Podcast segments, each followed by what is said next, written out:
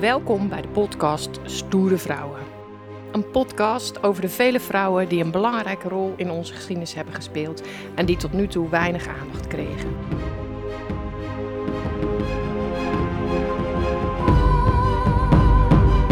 Stoere Vrouwen.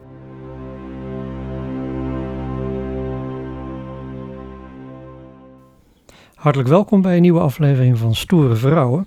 De vorige ging over Maria van Brabant. Misschien is er zelfs een enkeling naar de opera geweest. was in ieder geval een eh, groot succes. En na een korte pauze zijn we er weer met een nieuwe stoere vrouw. En tegenover mij zit... Merke Bozua.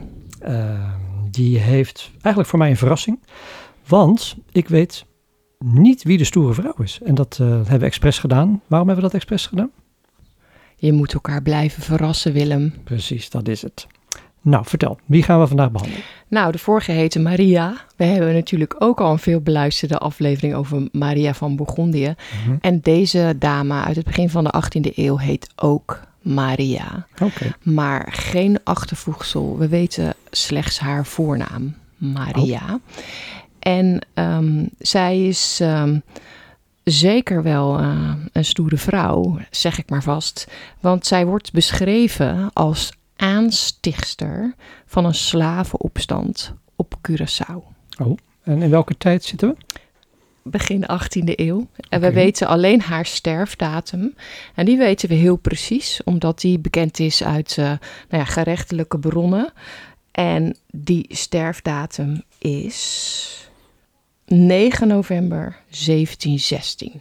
Oké. Dus de, de tijd van pruiken en revoluties. Mm -hmm. um, ja, jij hebt Maria gekozen. Ongetwijfeld heb je daar een, uh, een hele goede reden voor. Uh, even een vraag vooraf. We hebben Anouk, Madonna, hè, vrouwen die je herkent alleen aan hun voornaam. Is het een soort eretitel dat we haar alleen met die naam kennen? Of is nee. dat meer een soort overlevering? Nee, nee, Het is nee, nou eenmaal zo. Nee, nee, nee. Nou, dat is gelijk wel een heel verhaal over, Okay. over die naam en namen van tot slaafgemaakte. Mhm. Uit de tijd van de transatlantische slavenhandel. Er heten gewoon ongelooflijk veel um, vrouwen Maria. Oh. Uh, door de eeuw heen natuurlijk. Maar ook uh, tot slaafgemaakte vrouwen. En uh, nou, ik was gisteren in het Tropenmuseum. En daar is een um, nieuwe opstelling. over nou, een nieuwe kijk op het koloniale verleden van Nederland. En één onderdeel daar is ook een digitaal monument. En dan kan je proberen, um, nou ja, um, namen te vinden, personen te vinden uh, uit uh, nou, die periode. Dus uh, van, nou ja, vanaf dat de WIC um, mensen uit Afrika ging ver, ver, vervoeren, hè, tot slaaf gemaakt, naar onder andere Suriname en Antillen.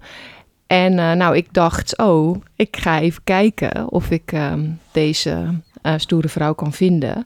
Maar dan kun je dus kiezen tussen Indonesië, Curaçao, Suriname. En bij allemaal krijg je echt honderden Maria's. Dus Mhm. pijnlijk duidelijk hoeveel, om hoeveel mensen het gaat. Maar echt sowieso heel veel Maria's zonder iets erachter. Okay. En ook uh, Maria's wel met een, uh, met een achternaam. Ja, dat komt omdat uh, ja, die mensen die in Afrika gevangen werden genomen... en van, van de een of de andere dag alles kwijt waren verloren ook hun naam. Uh, dus zij uh, werden vervoerd uh, door, nou ja, moesten dag en nacht lopen door nou ja, Afrika om uiteindelijk ingescheept te worden.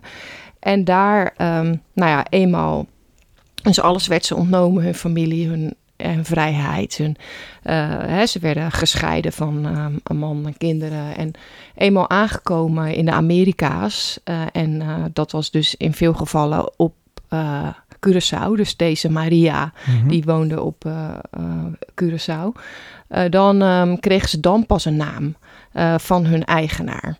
En die, ja, die mocht dat gewoon zelf verzinnen. Dus nou ja, Maria, ja, dat is gewoon lekker makkelijk. En ze deden ook een soort heel erg grappig, cynische namen. Dan zeiden ze, nou jij heet voortaan Fortuin. Of jij heet Geluk. Want nou, jij hebt Ja, echt ja. uh, enorm mazzel dat jij nu uh, hier bij mij... Uh, Bizar, hè? alsof je Ja. een puppy in huis neemt of zo, weet je wel. Of een hond, eh, daar lijkt het bijna op. Ja, nou ja, het was gewoon als...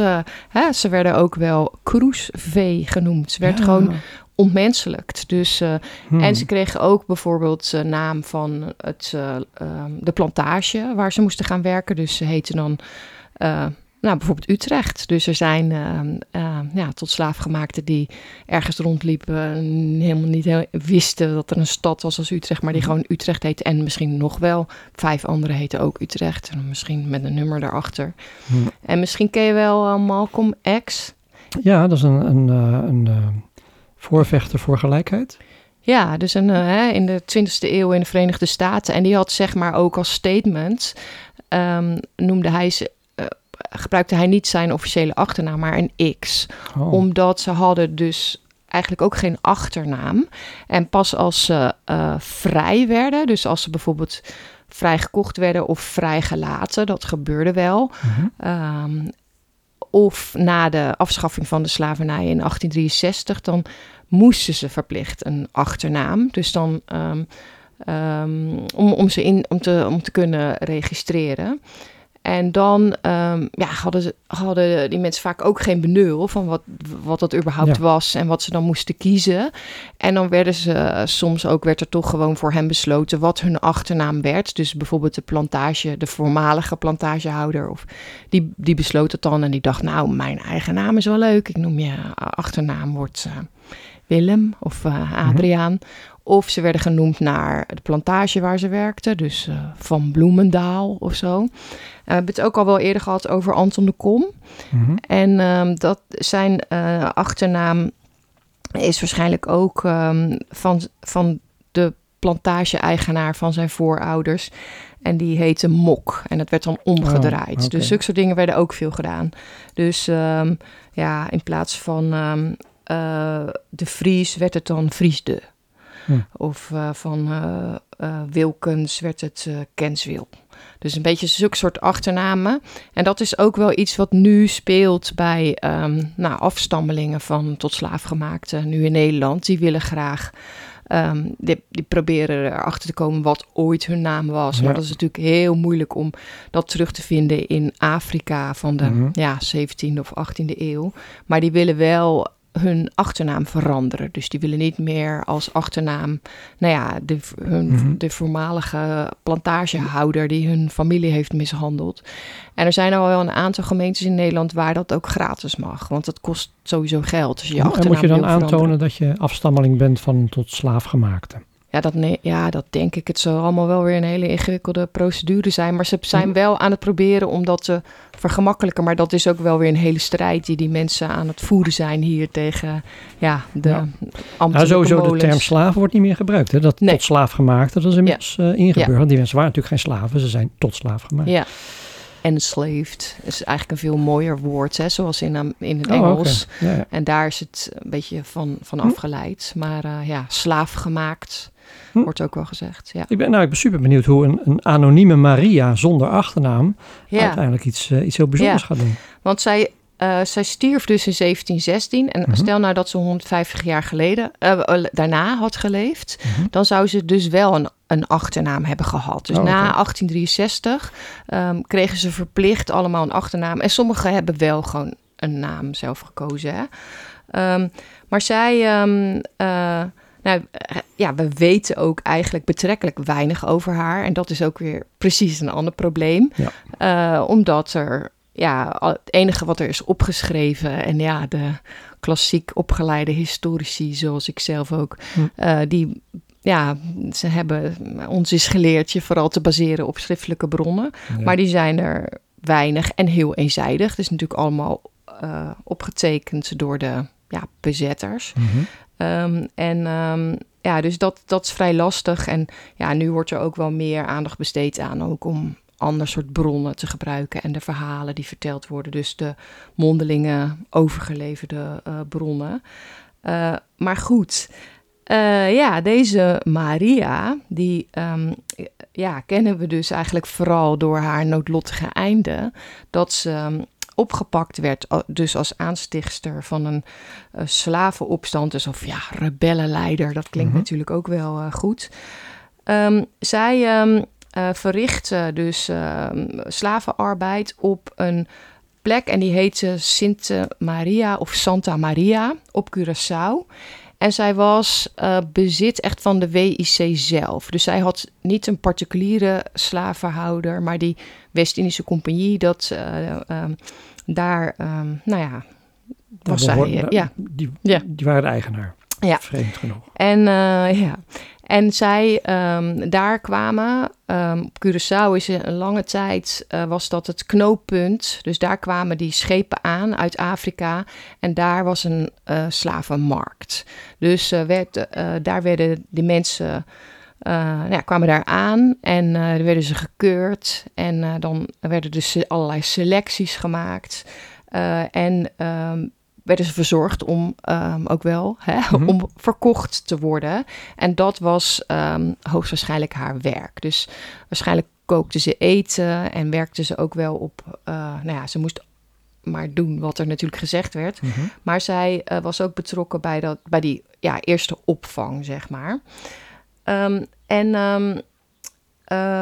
nou, in, ergens in 1716 was op Santa Maria um, uh, gebeurde het volgende. En ja, de enige, de, de, weinige feiten van wat er gebeurd is, die um, zijn overgeleverd door de vrouw van de opzichter daar. Dus okay. geen enkele uh, bron, zeg maar, uh, van um, ja, wat uh, die um, opstandige tot slaafgemaakte zelf hebben gezegd.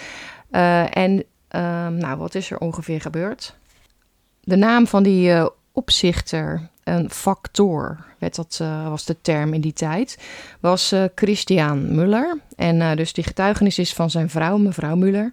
En um, nou ja, wat zij vertelde en wat dus is opgetekend is, zij zag um, uit het veld, in haar woorden, een bebloede slaaf komen lopen.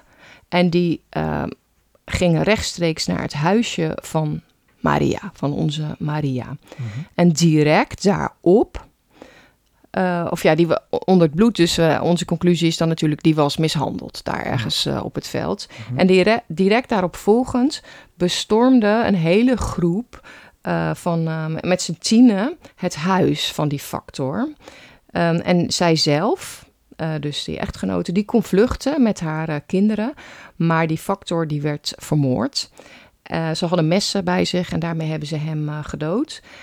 Um, en vervolgens um, ging die uh, groep um, er natuurlijk vandoor. Want ja, die, hadden, die wisten ook wel dat ze nu in de problemen zaten. En toen kwamen ze ook nog een medewerker van de WIC uh, tegen met zijn vrouw te paard. En die hebben ze ook te grazen genomen.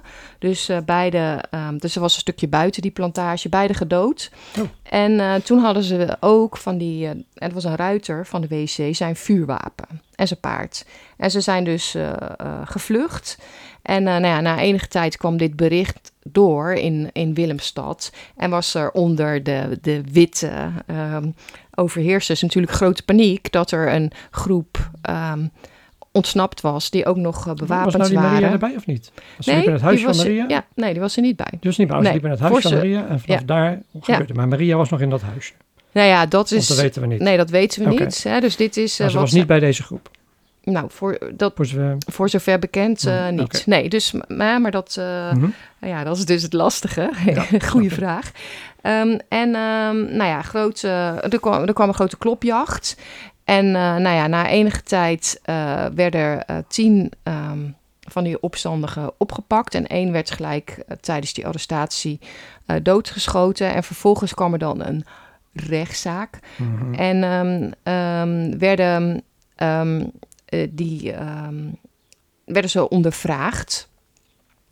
En volgens die mevrouw Muller uh, was Maria's rol groot. Want um, haar vorige partner van Maria, die was door die factor, door die opzichter gedood. Okay. Dus zij had uh, wraakgevoelens. Mm -hmm. Nou, ik denk echt niet alleen maar daarom. Mm -hmm. uh, maar um, um, de, eh, dus daarom uh, zou zij dit, zou zij het brein zijn hierachter. En uh, die, um, die groep die werden dus gearresteerd en um, ondervraagd.